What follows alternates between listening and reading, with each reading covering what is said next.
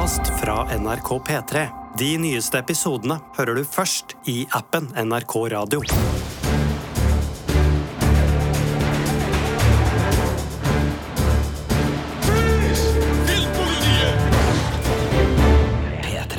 Velkommen til Filmpolitiet med Sigurd Vik, Birger Vestmo og Ingvild Dybfest Dahl. Netflix-serien Beef er en av vårens mest saftige krangleserier, hvor en road rage-hendelse sender to bilister inn i en hevnspiraliserende feide. Og beef er jo et tema som har gitt oss veldig mye god og saftig underholdning fra Hollywood, så i denne episoden så skal vi både skryte av Netflix-serien Beef, vi skal minnes noen av Hollywoods virkelige beefer, og vi skal trekke fram hver vår favorittbeef, eller den beste beefen, fra filmer og serier som vi er glad i. Men vi må jo starte med ordet beef. Altså, Hva legger vi i det, og hva bør en god beef fra Hollywood eh, inneholde? Du får starte, Birger. Ja, altså, det må jo være glitter og glamour, for det første. Eh, Det bør være en tematikk som trekker stjernene litt ned fra stjernehimmelen og ned på jorda der vi andre befinner oss. Noe som eh, gir oss inntrykk av at eh, å ja, ja de, de er ikke helt ufeilbare likevel, de her store Hollywood-stjernene. Og så er det jo sladdermuskelen som kiles, da, når eh, noen av de mest kjente navnene i Hollywood braker sammen på et eller annet nivå. Gjerne en smule overspilt, kanskje da i eh, medias søkelys, men like fullt, det er sladderstoff som vi elsker å snakke om. Enn du, Ingvild? Jo, jeg syns det er litt gøy at beef høres veldig saftig og kult ut, mens på norsk så har vi sånn Jeg bærer nag, jeg har en høne å plukke med noen. Eh, men det er jo altså en saftig konflikt, da, kan vi vel egentlig si ligger i ordet. Og jeg har sansen for eh, uvennskap som, som bare fortsetter over lang tid. De som virkelig har utholdenhet, det er jeg litt eh, fascinert av. Mens jeg har ganske liten respekt for sånn Will Smith-Chris Rock-beef, som jeg ser på som korttenkt og eksplosiv vold. Og som Will Smith burde holdt, holdt seg altfor god til å brake løs med på Oscar. Ja, altså, du, du har sånne Altså, jeg tenker jo det De beefene som blir tragisk fordi uh, de to som deltar i den, ikke klarer å la være å krangle, spesielt da på film. altså hvis vi tar den der, altså, Det syns jeg er veldig fascinerende. hvor det, det kunne ha gått bra. Men fordi beefen er så intenst, og man klarer ikke å slutte å krangle med hverandre, så ender det uh, tragisk for en eller begge parter. Der syns jeg ofte det er interessant å være. Men det fins mange varianter av beef. Du var inne på det fins mange ord. Jeg syns det høne å plukke med er en, en fin oversettelse. Uh, feide, krangel, hevnspiral, rivalisering. Jo da, det er mye. Og uh, veldig mye av det her foregår da i serien Beef, som er en Netflix-serie som hadde premiere ganske nylig nylig, og det er den vi skal snakke om nå. You started this. Me? Yeah. Okay, uh, you're the one who backed into me like a psycho. You're the one that flipped me off all roided out and sh- Are you guys leaving, or are you just gonna sit there? What'd you say? What'd you say? Say it again! I dare you to say it again! Ingvild, du har sett Beef. Kan du bare uh, sette oss litt inn i hva som foregår her? Det er jo et interessant premiss i Beef, der to personer møtes i et anfall av road rage for begge. Eh, De heter Johnny Cho og Amy Lau, og han holder på å rygge på henne på vei ut fra et varehus. Hun reagerer med å tute og vise finger, og derfra så eskalerer det til en helt vill galskap. Som man nesten ikke klarer å se for seg hva, liksom, hvor langt kan det gå. Eh, og de klarer jo også eh, på etter en slags eh, Ikke en slags, etter det som blir en biljakt, så klarer også begge etter hvert å få registreringsnummeret til den andre. Og dermed eh, ikke sant, så nøster de opp, finner hverandres identiteter, og det jeg blir jo så banalt og barnslig som tissing på gulvet til den ene. Altså, det begynner jo med disse tingene. Du kan jo kanskje si litt hva du syns var den deiligste spiralen der? Nei, det er jo, det er jo egentlig spiralen. Det at det går såpass uh, drøyt til verks. Altså, det starter med en, en, hendelse som er, som du sier, i og for seg en, en hverdagshendelse. Selv om ikke alle reagerer sånn i trafikken, så, så, er det vel mange som kan ha reagert sånn i trafikken. Og så er det den der de bare klarer ikke å gi seg. De må liksom ha siste ordet, disse to uh, kampfigurene, og, og, det blir tissing på teppet, ja. Uh, det blir også uh, familiemedlemmer som blir involvert her, og den der, den der intensiteten, den her galskapen som putter skylapper på og bare fokuserer dem ned i det her hevnoppgjøret, den syns jeg er fascinerende. Og det er jo det at de, de kunne ha gitt seg på så mange plasser. Ja. De kunne ha sagt sånn ok, nok er nok. For de er jo hyggelige mennesker, de lever jo vanlige liv, de har jo mange sympatiske trekk, men så bare ah, Og det jeg liker aller best, tror jeg, er at vi ser i det uh, første eskaleringa inntreffer fra den kvinnelige hovedrollen, et lite sånn smil, for det er tydelig at de to personene her trenger kanskje en beef i hverdagen sin for å liksom uh, få ut litt aggresjon som egentlig kanskje da stammer fra andre deler av uh, livet. Ja, for det som er spennende her, er at de klikker jo begge to, mens denne klikkinga er både spontan og liksom skjem umiddelbar, men den er også langsiktig. Altså, de klikker jo både der og da, og så er, legger de begge noen slags planer og stalker hverandre og liksom klarer ikke å legge fra seg den beefen, så det er en sånn langsiktig klikking som, som Vegard Herm pleier å si, klikker i vinkler. Det er flere vinkler man klikker i her. Men vi må jo også si at en av grunnene til at denne serien funker så innmari godt, er jo nettopp hovedrolleinnehaverne, som er Steven Jung og Ali Wong. Eh, Og Jon han ble jo verdenskjent med The Walking Dead. Han var også Oscar-nominert for Minari. Eh, Og Ali Wong er mest kjent fra komispesialer. Hun har også vist dramaegenskaper. Og her viser hun liksom et stort register, da, som, som Amy Lau. Eh, Og det er også deilige biroller her. Det er noen skikkelig latsabber. Det er en ekkel, rik forretningskvinner. Eh, serien sier jo masse om klasse og menneskets natur. Det er humor i den, vill eskalering, og så er det også mye sårt i den portretteringen av eh, menneskene og jaget etter å være vellykket, som jeg tror veldig mange av oss kan kjenne seg igjen i. Ja, og så er det den der eh, På norsk så har vi ordene sjalusi og misunnelse, og de, de overlapper jo litt, men altså det, det, de der frustrasjonene som kan vekkes i oss når vi ser igjen elementer, enten personer eller ting som liksom trigger å, det der vil jeg òg ha. Å, det der irriterer meg. Å, det der skulle ha vært meg. Altså, De der veldig gjenkjennelige følelsene syns jeg serien klarer å plukke opp i sånne sideplott som er med da å bygge opp under hovedkjernen, og som sørger for at hovedpersonene våre er fullstendig gira på å beefe med hverandre, men, men, men motivasjonen kommer jo hele tida fra sånne drypp fra, fra birollegalleriet, som du, du er inne på, som også er veldig velspilt, og det syns jeg er, er fascinerende. Og så er den, den er nesten glimrende satire innimellom også, når den tar både religiøs skinnhellighet og Ja. rikfolk, og du er inne på klassekamp og, og en del sånne ting, veldig på kornet, og, og blottstiller litt uh, hvordan vi mennesker kan være i all vår selvhøytidelighet når vi ja, ikke nødvendigvis på vårt beste. Ja, for det er jo også det der med at de to er så utrolig forskjellige. da. Det her er jo fortellinger om å være amerikansk asiat, men de har ekstremt ulike fortellinger og ulik bakgrunn. Eh, og masse nyanser i menneskene rundt seg også. Men så er det det at de misforstår Eller de har jo sine egne fordommer og tanker om hvordan den andres liv egentlig er. Mens det interessante er jo å se kanskje hvor mange like sorger eller fortvilelser eller frustrasjoner de egentlig har, da, innerst inne.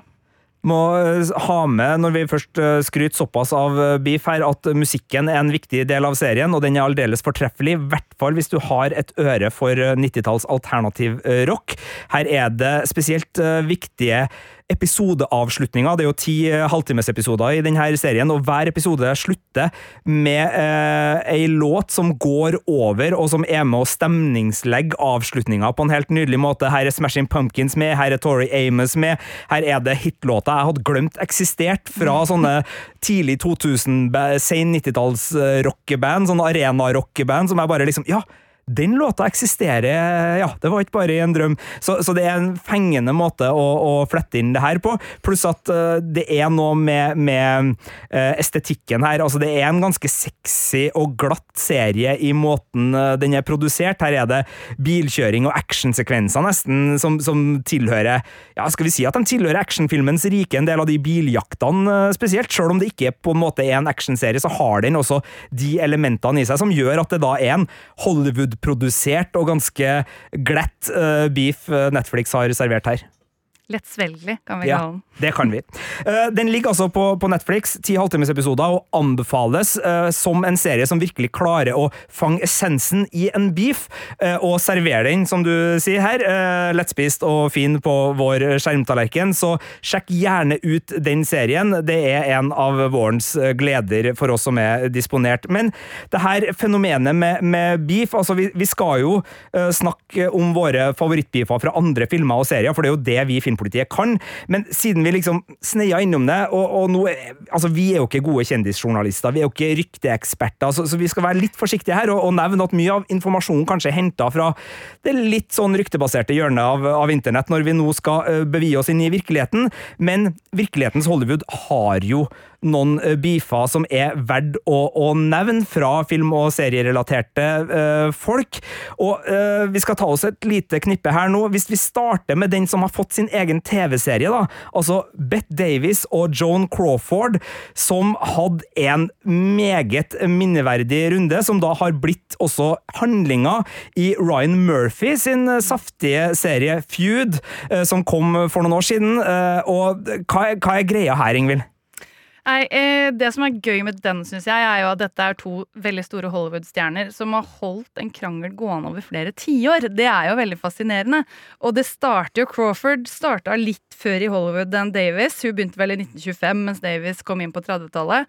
Og fra hva jeg har sett, så allerede i 33 så kunngjorde Crawford skilsmissen sin fra Douglas Fairbanks på samme dag som en stor reklamekampanje var satt i gang for Davis, og det starta der. I 35 så gifta Crawford seg med Davis' motspiller som hun var forelska i. 1945 takka Davis nei til rollen i Mildred Pierce, og Crawford tok rollen og vant sin første Oscar. Og så må vi ikke glemme da, eh, at i 1962 så spilte de ut krangelen på lerretet i Whatever Happened to Baby Jane, som jeg prøvde å komme på hva het på norsk, men det husker jeg ikke. Noen av dere som eh, tar den?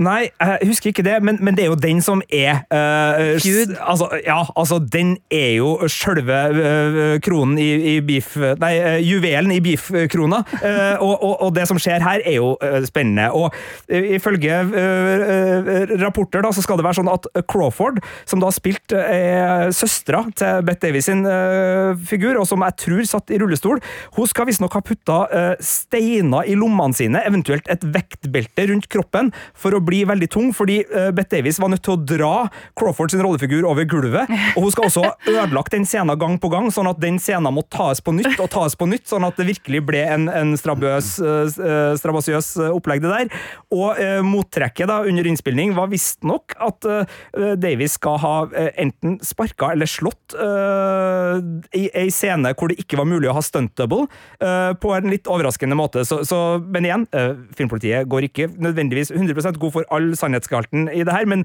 det sier rapportene. Og så slutter det jo da på Oscar-utdelinga i eh, 1963, hvor Davis er nominert for Oscar. Det er ikke Crawford, men Crawford øh, prøver da å få noen andre til å vinne, og tilbyr også de andre nominerte å ta imot prisen på deres vegne. Øh, sånn at det endte jo med at det var Crawford som sto på øh, Oscar-utdelingas eh, scene og tok imot eh, på vegne av Anne Bancroft, som vant Oscar. Eh, og dermed så eh, blir jo da Davies sittende i salen og se sin rival eh, på hovedscenen. Og hun skal også visstnok ha posert med denne Oscar-statuetten ganske villig sammen med de andre vinnerne, bare for å gni det litt ekstra inn. Og så er det et angivelig sitat vi må bare ha med her på, på slutten. Fordi Davies, og igjen angivelig, Davies skal visst ha sagt følgende You should never say bad things about the dead. You should only say good. Joan Crawford is dead. Good.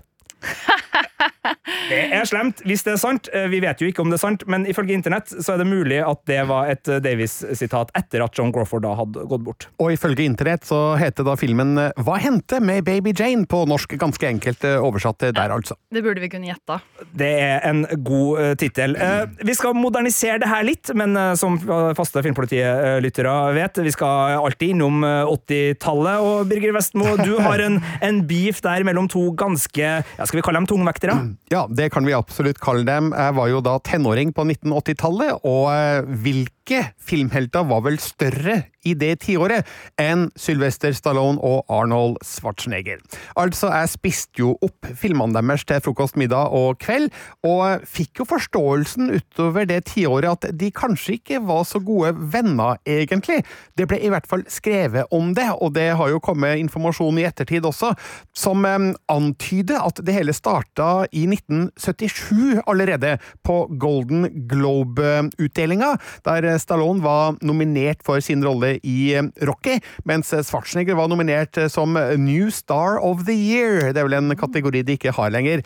Eh, Schwarzenegger vant eh, den prisen, eh, og han skal da ha ledd av Stallone, eh, hvorpå en, eh, en, eh, noen blomster skal ha blitt eh, kasta fra Stallone mot Schwarzenegger, og der skal hatet ha starta. Utover 1980-tallet var jo Sylvester Stallone en stor stjerne allerede med Rocky-filmene, så i 1984 så ble jo Arnold Schwarzenegger plutselig internasjonalt kjent gjennom The Terminator, og så slo Stallone tilbake med mm, sitt store år, 1985, der han først kom med Rambo 2, altså eh, Rambo First Blood Part 2. Eh, bare noen måneder etter det igjen kom Schwarzenegger med sin actionfilm Kommando, og eh, nå skal vi til et sitat fra den ikke helt stolbare publikasjonen The News of the World, for i et intervju med dem skal Schwarzenegger ha sagt om Stallone I'd be angry at hearing my name mentioned in the same breath as, uh, as Stallone's. Stallone uses body doubles for some of the close-ups in his movies. I don't. Shots fired der, altså. Eh, og så, eh, etter at Kommando hadde gått på kino bare en måned, så kom altså da Rocky 4, som ble en gigantsuksess. Og alle som har sett den filmen, vet at Eh, Stallones motstander i den filmen er jo en stor, muskuløs eh, østeuropeer med en rar aksent. Eh, Ikke rent ulikt Schwarzenegger, kanskje, så man kan jo se for seg at eh, valget av Ivan Drago som eh, den store skurken i eh, Rocky 4 ikke var helt eh, tilfeldig. Eh, Samme år så oppsto det en situasjon da, eh, som involverer Brigitte Nilsen, den danske fotomodellen, som eh, visstnok skal ha hatt et forhold, visstnok med stor V, til til Schwarzenegger da de filma Red Sonja sammen. Så endte jo hun opp med å gifte seg med Stallone, og hva som egentlig skjedde bak kulissene der, er uvisst, og vi vet ikke helt om det var noe beef mellom dem eh, angående Brigitte Nielsen, men eh, sladderpressen de eh, hadde jo en field day, som det heter, med det. Ehm, det var jo også slik at filmene til disse to eh, speila seg opp gjennom eh, 1980-tallet. Eh, altså, Stallone var jo da jungelhelt i Rambo nummer to. Schwarzenegger han ble jungelhelt i Predator to år eh, seinere. Um, Stallone laga en buddy-komedie, en actionkomedie, med Kurt Russell, Tango and Cash, i 1989. Eh, og det var året etter at Stallone hadde vært en buddy-cop-action-helt i Red Heat sammen med James eh, Belushi. Eh, Så på 1990-tallet, helt tidlig, så bestemte jo da begge seg sånn tilfeldigvis for å bli sånn komistjerna på samme tid. Eh, Schwarzenegger med Junior og Twins, og Stallone med Stop or My Mom Will Shoot. Eh, begge med vekslende hell. Kanskje Stallone ja, eh, ja, havna dårlig ut i den sammenligninga der, da. Eh, så man, man ser at de har liksom fulgt hverandre og prøvd å utkonkurrere hverandre, men så virker det som at stridsøksa kanskje ble begravd tidlig på 1990-tallet når de eh, ja, kanskje ikke var så store stjerner lenger. Og jeg har glemt én ting. Eh, Schwarzenegger laga jo sci-fi med Total Recall i 1990, og kun kort tid etterpå så laga Stallone sin fremtidsvisjon med Demolition Man.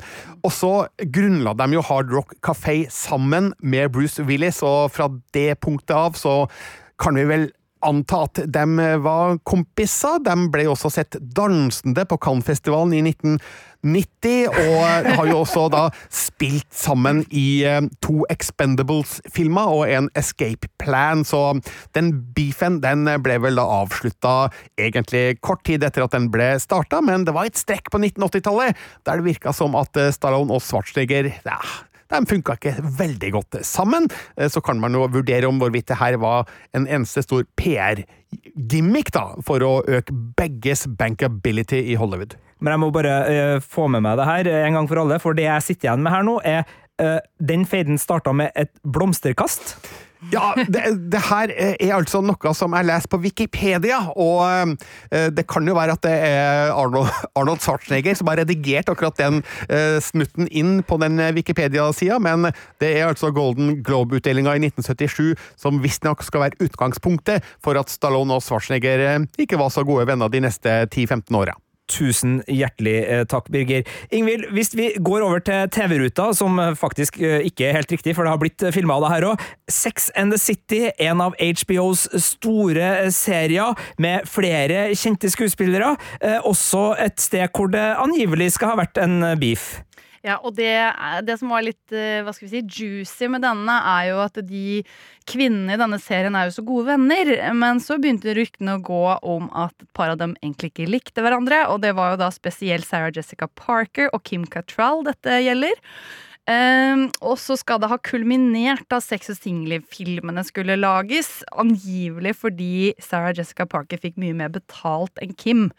Og Parker har sagt altså i en Hollywood Reporter-podkast, og dette er on record, at konflikten begynte etter forhandlingene om en tredje film. Altså det skar seg, da. Og da mener Parker at det var fordi Cattrall stilte for høye krav. Eh, og derfor ble det ikke en eh, Sex and the City nummer tre-film, for de ville ikke lage den uten Kim. Og Cattrall har også uttalt i flere medier at uh, Sarah Jessica behandla henne dårlig på innspilling av serien.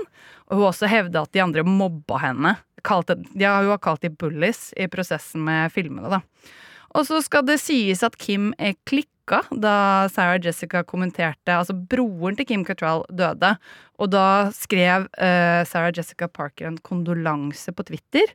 Uh, og til svaret fra Kim var altså Du er ikke min familie, du er ikke min venn, så jeg skriver for å be deg for siste gang om å ikke utnytte vår tragedie for å gjenopprette ditt snill pike-image.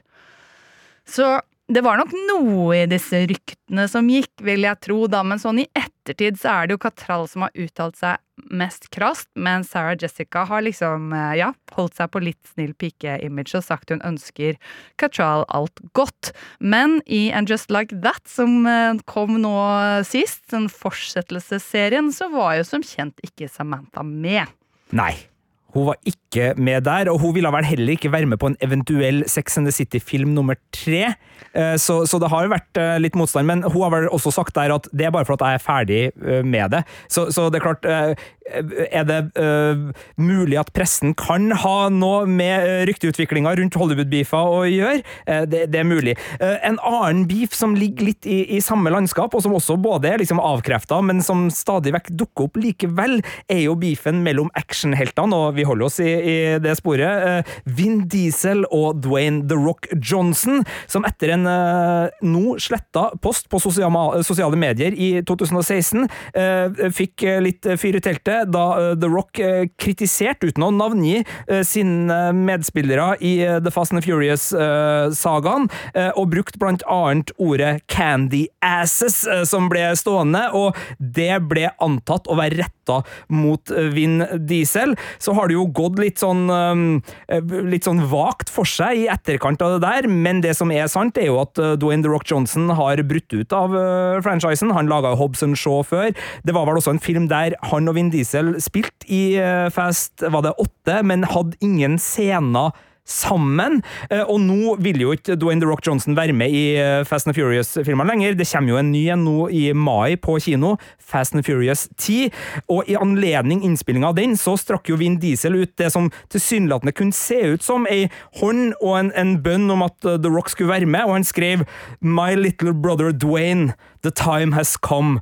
Hobbs can't be played by no other. I hope that you rise to the occasion and fulfill your destiny. Og det er jo en sånn kul håndsrekning. Hadde ikke vært for My Little Brother Dwayne, som jeg ikke vet om Dwayne The Rock Johnson satte veldig pris på. Eh, Det var i hvert fall eh, flere ting der. Han trakk inn sine egne barn, og at Dwayne The Rock Johnson var kjent som uncle i deres hjem, osv., videre Og The Rock skal da ha svart til CNN at det her var et eh, forsøk på, eh, på manipulasjon. At han har sagt til Vin Diesel eh, directly and privately that I would not be returning to the franchise. Og han likte heller ikke at da eh, I, didn't like that he brought up his children in his post, as well as Paul Walkers death. Leave them out of it. Så ja, de har jo begge avfeid at det er en feide, men samtidig så ser det jo litt ut som om at det kanskje er litt eh, feide likevel, da, mellom eh, Vin og The Rock. Hva Ja. tror du, Birger? kan være store egoer inn i bildet her, samtidig som vi snakker om to skuespillere som har mange av de samme egenskapene som de er nødt til å bygge sine videre karrierer på. De kjemper jo om det samme publikummet, de kjemper kanskje til og med om eh, de samme rollene i nye filmprosjekter, så det er mulig at eh, i hvert fall eh, Dwayne Johnson ikke så det som eh, eh, ønskelig fra sin side da, å dele skjermtid med Vin Diesel, og så kan det jo ha skjedd ting under innspilling her som vi ikke vet like mye om, og en uenighet som kanskje har balla litt eh, på seg. Så vel, det er vel ikke noe som tyder på at vi får Dwayne Johnson inn i Fast X, hvis de ikke har spilt inn noe hemmelig som skal liksom avsløres da, først når filmen har premiere. Det der er en fin overgang, fordi jeg har jo lyst til å snakke om flere beefer fra virkeligheten, for det er jo veldig mange å ta av. Altså, vi har jo nevnt eh, Chris Rock versus Will Smith, du har Olivia Wilde versus Florence Pugh, osv., osv. Men eh, og, og, vi, vi må komme oss videre. Eh, Men, men bare gjenta, mye av det her er fra den delen av pressen som kanskje ikke har dobbeltsjekka alle kildene sine, i hvert fall ikke navngitt dem, så, så det er mulig at noe av det her må, må tas med en klype salt, så, så bare vit det. Og så syns jeg det var en fin overgang, Birger, fordi det er jo én kjendisfeide som jeg syns er den beste, eh, men jeg tror ikke den er særlig sann, eller jeg vet at den ikke er sann, og det er jo eh, Matt Damon versus Jimmy Kimmel, som har vært fantastisk, og som har rulla godt nå i ja, det, det må begynne å bli snart 20 år, som starta med at Jimmy Kimmel, som da hadde sitt eget eh, talkshow, avslutta som en gag med Og dessverre så fikk vi ikke tid til Matt Damon. Eh, og det har jo eskalert til noen nydelige runder hvor Matt Damon til slutt ble invitert på showet, men eh, han ble introdusert så lenge at det ikke ble tid til å ha med Matt Damon likevel, noe som eh, endte i et fantastisk raseriutbrudd. Og så har det bare gått på den store scenen, altså på Oscarshow. Ben Affleck har blitt involvert, Sarah Silverman har blitt involvert.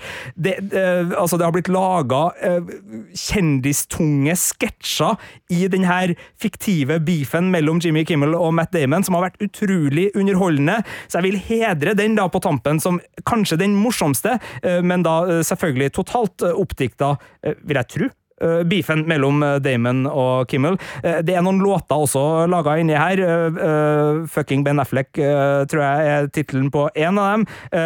Det var vel også en dobbeldress hvor Ben Affleck kom på scenen veldig stor, og det viste seg at Matt Damon hadde gjemt seg inni dressen til Ben Affleck for å komme på Jimmy Kimmel Show, så du verden, her har det vært mye. Eh, Men det var et lite knippe av eh, beefer, eh, mer eller mindre plassert i virkeligheten, men vi i Filmpolitiet vi har jo vår, vår store styrke og vår forse når det gjelder ting som skjer på, på skjermen og på filmlerretet, og da tenker jeg at vi må, må komme i gang med våre favorittbeefer fra serier og film. Uh, Ingvild og Birger, hvem av dere har lyst til å starte med deres personlige favoritt? Jeg kan jo si da at uh, foruten Skeletor og He-Man, uh, så er en av mine tidligste minner om TV-beefer Dynastiet, uh, som hadde altså mine favorittfiender Alex og Crystal, spilt av Joan Collins og Linda Evans. Eh, Men skal, det måtte jeg bare nevne. Men jeg har valgt noe helt annet. Fordi denne uken ble det kjent at Lionsgate jobber med en eh, serieversjon av Twilight-sagaen. Og eh, i den anledning så tenkte jeg det kunne passe å trekke fram Edward Cullens beef med Jacob Black i Twilight-filmene. Eh, og dette starta jo også altså da, den, eh, da filmatiseringen av Stephanie Mayers bokserie begynte å komme da, i 2008, så ble det jo egne fanklubber som var Team Edward og Team Jacob. Og for dem som ikke har fått det med seg av en eller annen grunn, så handler Twilight-serien om 17-årige Bella Swan, spilt av Kristen Stewart, som flytter til faren i en sånn liten kald by. Og der forelsker hun seg i Edward Cullen, spilt av Robert Pattison, en gutt på skolen som viser seg å være en 108 år gammel vampyr. Dette er ikke en spoiler, for det er premisset for hele serien og bøkene, så vi får kunne si at det røper vi.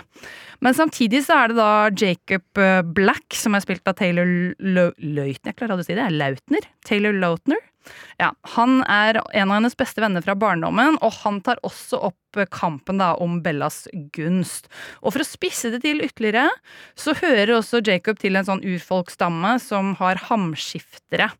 Og av alle farene i byen, altså så skifter Jacob etter hvert over til ulv. Eh, ikke en tradisjonell varulv, men de kan bli farlige store ulver som tar opp kampen med onde krefter.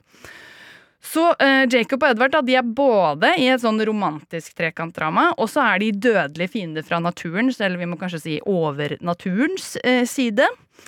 Og jeg har en teori om at uh, beefen mellom de to egentlig mest var en unnskyldning for å vise Robert Pattinson og Taylor Lautner blikke hverandre i bar overkropp. Uh, men altså, konflikten var jo også grunnleggende i bøkene, og jeg har lest noen av de, så, så vi får vel si at det var gyldig grunn. Og så syns jeg aldri, må jeg si, da, at det ble helt overbevisende at Jacob var liksom en ekte rival til Edward. For det var så virka som om Bella helt klart foretrukk Edward hele tiden. Eh, og han tok jo til og med og tvangskyssa henne, noe jeg syns var langt over streken, selv i 2008. Nå, nå Eh, begynner vi å nærme oss spoilerlandskap her, syns jeg, men, men fortsett. Eh, ja, men altså Ja, ok, vi Nei, var, kan diskutere du, det var kun for at du proklamerte at det ikke var spoiler eh, tidligere i praten. Du må bare kjøre på. Ja. Eh, ok, de er rivaler hele veien. Og mot slutten av filmserien, eh, nå er dette spoilerfritt, eh, Sigurd, så Ok. um, var det en ekstra rar vri oppi alle de rare vriene, som både gjorde at Edward og Jacob inngikk en slags våpenhvile, og gjorde at jeg fikk litt avsmak for hele opplegget. Jeg skal ikke gå inn på hva det er, det får dere bare finne ut av sjøl. Men det er uansett en god beef for oss som liker vampyrer, hamskifterulver eller begge deler. Og så får vi jo se da om det kommer en eh, ny runde Twilight-trøbbel for TV. Det gjenstår å se. Eh, skal- Er det en sånn, for, for her er ikke jeg med, altså skal, det, skal det lages på nytt, eller skal det spinnes videre på, vet du det? Ja, det jeg har lest er eh, Og det er jo Det er ubekreftet, men alle de store TV- og filmmagasinene i USA skrev om det i går, så jeg vil tro det er ganske gode kilder på dette. Og det er en såkalt in the works, altså at Lionsgate TV holder på å utvikle en mulig Litt som den Harry Potter-serien. At de utvikler en mulig TV-serieversjon av det samme bokmaterialet som filmene ble laget av. Altså ikke, fra hva jeg har skjønt så langt, ikke en fortsettelse, men faktisk en remake da, i TV-variant. Men siden det er på såpass tidlig stadium og ingen har bekrefta det, så må vi bare vente og se der òg. Det må vi vente og se. Men eh, Twilight-filmene er eh, stort sett tilgjengelig der du kan leie og, og kjøpe eh, filmer, så det er fullt mulig å få sjekka ut denne her favorittbeefen mellom uh, Edward og uh, Jacob. Jacob uh, i Twilight-universet. Tusen takk, Ingvild. Det var en, en herlig start på, på favorittbeef-runden. Og da, Birger Vestmo, skal du få fortsette å ta oss videre. Ja, og da skal vi tilbake til verdens, eller tidenes beste tiår. Eh, 1980-tallet. For da kom Die Hard fra 1988 i regi av John McTiernan med Bruce Willis i hovedrollen som eh, John McLean, politibetjent eh, i New York, som da besøker Los Angeles for å være sammen med sin eh, fraseparerte kone og deres barn i jula. Det er da eh, fest på kontoret i Nakatomi Plaza.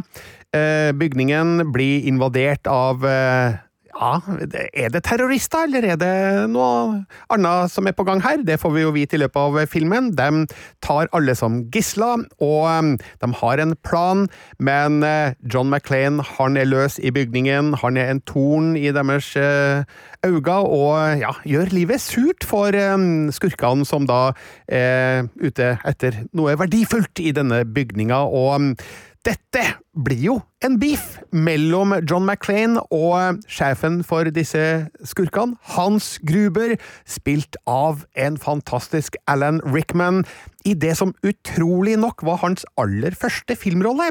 Altså, Rickman var jo allerede 42 år på det tidspunktet, hadde gjort massevis av teater og litt TV også, men eh, aldri vært på film før, og det eh, ble heldigvis retta opp da, fra og med da, for eh, Gud, så mange gode roller han gjorde fra det punktet og fram til han dessverre da døde så altfor tidlig. Eh, nå er det jo slik at eh, John McClane og Hans Gruber de møtes bare så vidt i løpet av eh, Die Hard, men de er store personligheter på hver sin front, og um, de, Og de, de snakker jo en del sammen. de snakker en god del sammen, og de er hele tida bevisst på hverandre. Så det er en pågående beef fra første til siste stund her. Og så slutter jo det sånn som det gjør, og da tror man jo at eh, denne beefen er begravd på et vis. Eh, Men i 1995 da kom den tredje Die Hard-filmen, som i Norge da heter Die Hard i New York.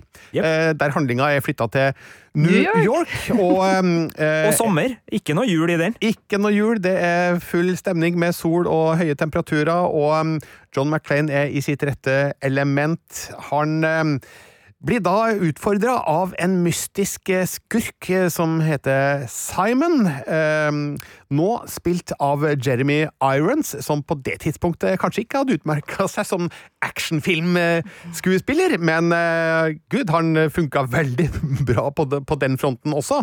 Han har da planta flere bomber på ulike steder i New York, som John McLean og en uheldig taxisjåfør, Carver, spilt av Samuel L. Jackson, må fyke rundt for å desarmere i tide. Og det gjør jo Simon fordi han har planer om å stjele masse penger fra Federal Reserve Bank of New York, eller gull faktisk er det han er på utkikk etter. Barer. Men samtidig så har Simon et hemmelig motiv. Han skal ta hevn mot John McClane, fordi Simon er Hans Grubers bror! Da, da, da! Spoiler alert! Beef, beef, Ja, ikke sant. Så her er det en underliggende eh, motivasjon som er beef, helt riktig, Sigurd. Eh, og så skal Jeg skal vel ikke avsløre hvordan det ender, men eh, eh, ja, John McClane han har jo vært med i flere filmer etter det også, da.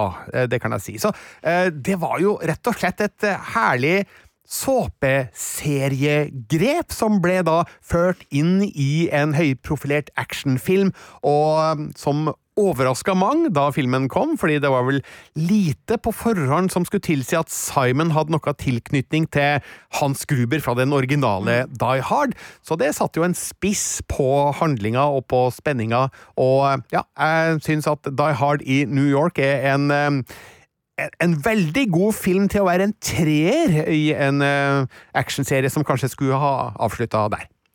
Og vi kan jo også si at Jeremy Irons her varma opp til en annen kul beef, eh, nemlig mot Simba i Løvenes herre. Løvenes Løvenes Konge! konge. Jeg hørte det jeg sa, at det var noe feil er- her. er- Ringenes løvekonge. Ja. Eh, Men der er han veldig kul der òg. Han er veldig bra som sånn ung person. Ja, det, han må vel nesten ha holdt på med det der nesten parallelt, eh, Jeremy Irons, eh, sånn beef-messig på tidlig 90-talls. eh, Ja, eh, Løvene, Løvenes konge er vel et par år tidligere, da, så Ja. Men eh, han hadde vel ikke akkurat noen actionfilmmeritter å vise til før Die Hard i New York. Jeg husker noen sa det på det tidspunktet, at eh, nobody wants to see Jeremy Irons kick ass, eller noe sånt. Eh, Det var vel kanskje det Irons fikk med seg, og tenkte at nei, men dæven, da skal jeg bli med i den neste Die Hard-filmen. motivert. Og det må jo sies at det som gjør det her til en veldig god beef du har plukka ut, Birger, er jo at John McLeans øh, evne til å komme under huden på sine eh, motstandere, og ja, for så vidt også ektefeller, det egenskapen han har her, er jo med å forsterke det her som en beef, for det blir personlig. Altså, det er fullt mulig at Hans Gruber i en annen setting, med, mot en annen fiende, hadde eh, oppført seg litt annerledes, og kanskje til og med lyktes med sin briljante plan der oppe på Nakatomi Plaza, men fordi han blir så besatt, og, og ikke minst flere av hans håndlangere blir så besatt av at de må ta det svinet som har drevet og erta dem og, og tulla med dem over walkietalkien uh, så lenge. Det, og det er jo litt av kjernen med en god beef. Altså folk som ender opp med å gjøre ting de egentlig ikke har lyst til å gjøre, fordi de blir så eitrende, eitrende, eitrende. Åh, jeg elsker det. Eh, Du har jo brutt alle regler, Birger, og bedt om å få hive inn en beef til som ikke har med Hollywood å gjøre, men eh, ja, du skal, du skal få lov, da, eh, siden du, du tross alt er sjefsbetjent her i Filmpolitiet. Veldig kort, fordi den beefen speiler jo på et vis beefen i Die Hard, altså Olsenbanden, folkens. De gamle filmene fra 70- og 80-tallet. Der har vi jo i nesten alle av de 14 filmene en beef mellom eh, Egon Olsen, forbrytergeniet spilt av Arve Oppsal, og kriminalbetjent Hermansen, spilt av Sverre Wilberg, som jo er ute etter Egon Olsen i nesten hver eneste film, og blir så glad, så glad når han tror han har Egon Olsen nå, eh, i, i hver film det også, og så går det skeis på et eller annet vis fordi kriminalbetjent Hermansen han er så uheldig, og det er jo nesten så man får vondt i hjertet av å se det, fordi eh, Hermansen han har jo de beste intensjoner. Sverre Wilberg var helt utrolig god i den rollen, men så heier vi jo samtidig også mest på Egon Olsen sjøl, da. Fordi han er jo på en måte eh, antihelten som vi elsker i disse Olsenbanden-filmene, og han går jo seirende ut av eh, hver eneste situasjon. Men eh, det der er jo en eh, beef som bare har vart og vart og vart, og den føres jo også da videre i den nye Olsenband-filmen som kom i, i fjor. Da Var det den 14. filmen eh, i Olsenbanden-rekka, sånn Du- utenom serier? Veldig vanskelig med den tellinga her nå. Er det, Men- den, er det den 15. filmen, da, mon tro? Men i hvert fall, få uh, norske filmserier har hatt en uh, lengergående beef, uh, kan man vel da si, enn disse to herrene som du nå nevnte. Det er korrekt. Ah, det er fint. Die Hard og Olsenbanden fra Birger Vestmo der. ok. Etter å ha tatt oss gjennom feiden mellom Sylvester Stallone og Arnold Schwarzenegger tidligere i podkasten. Birger, det er trygt og godt å vite at uh, 80-tallet, det har du uh, koll på. Det jeg lurer på da, Sigurd, er kan du diske opp noe litt nyere enn 80-tallet i din favoritt? Det kan jeg. Men eh, eh, da jeg så den serien her, så tenkte jeg faktisk på Hotell i særklasse. Eh, Faulty Towers med John Cleese i hovedrollen, eh, fordi det her er en TV-serie som eh, kom for et par år siden med sin sesong én, eh, kom med sin sesong to i fjor.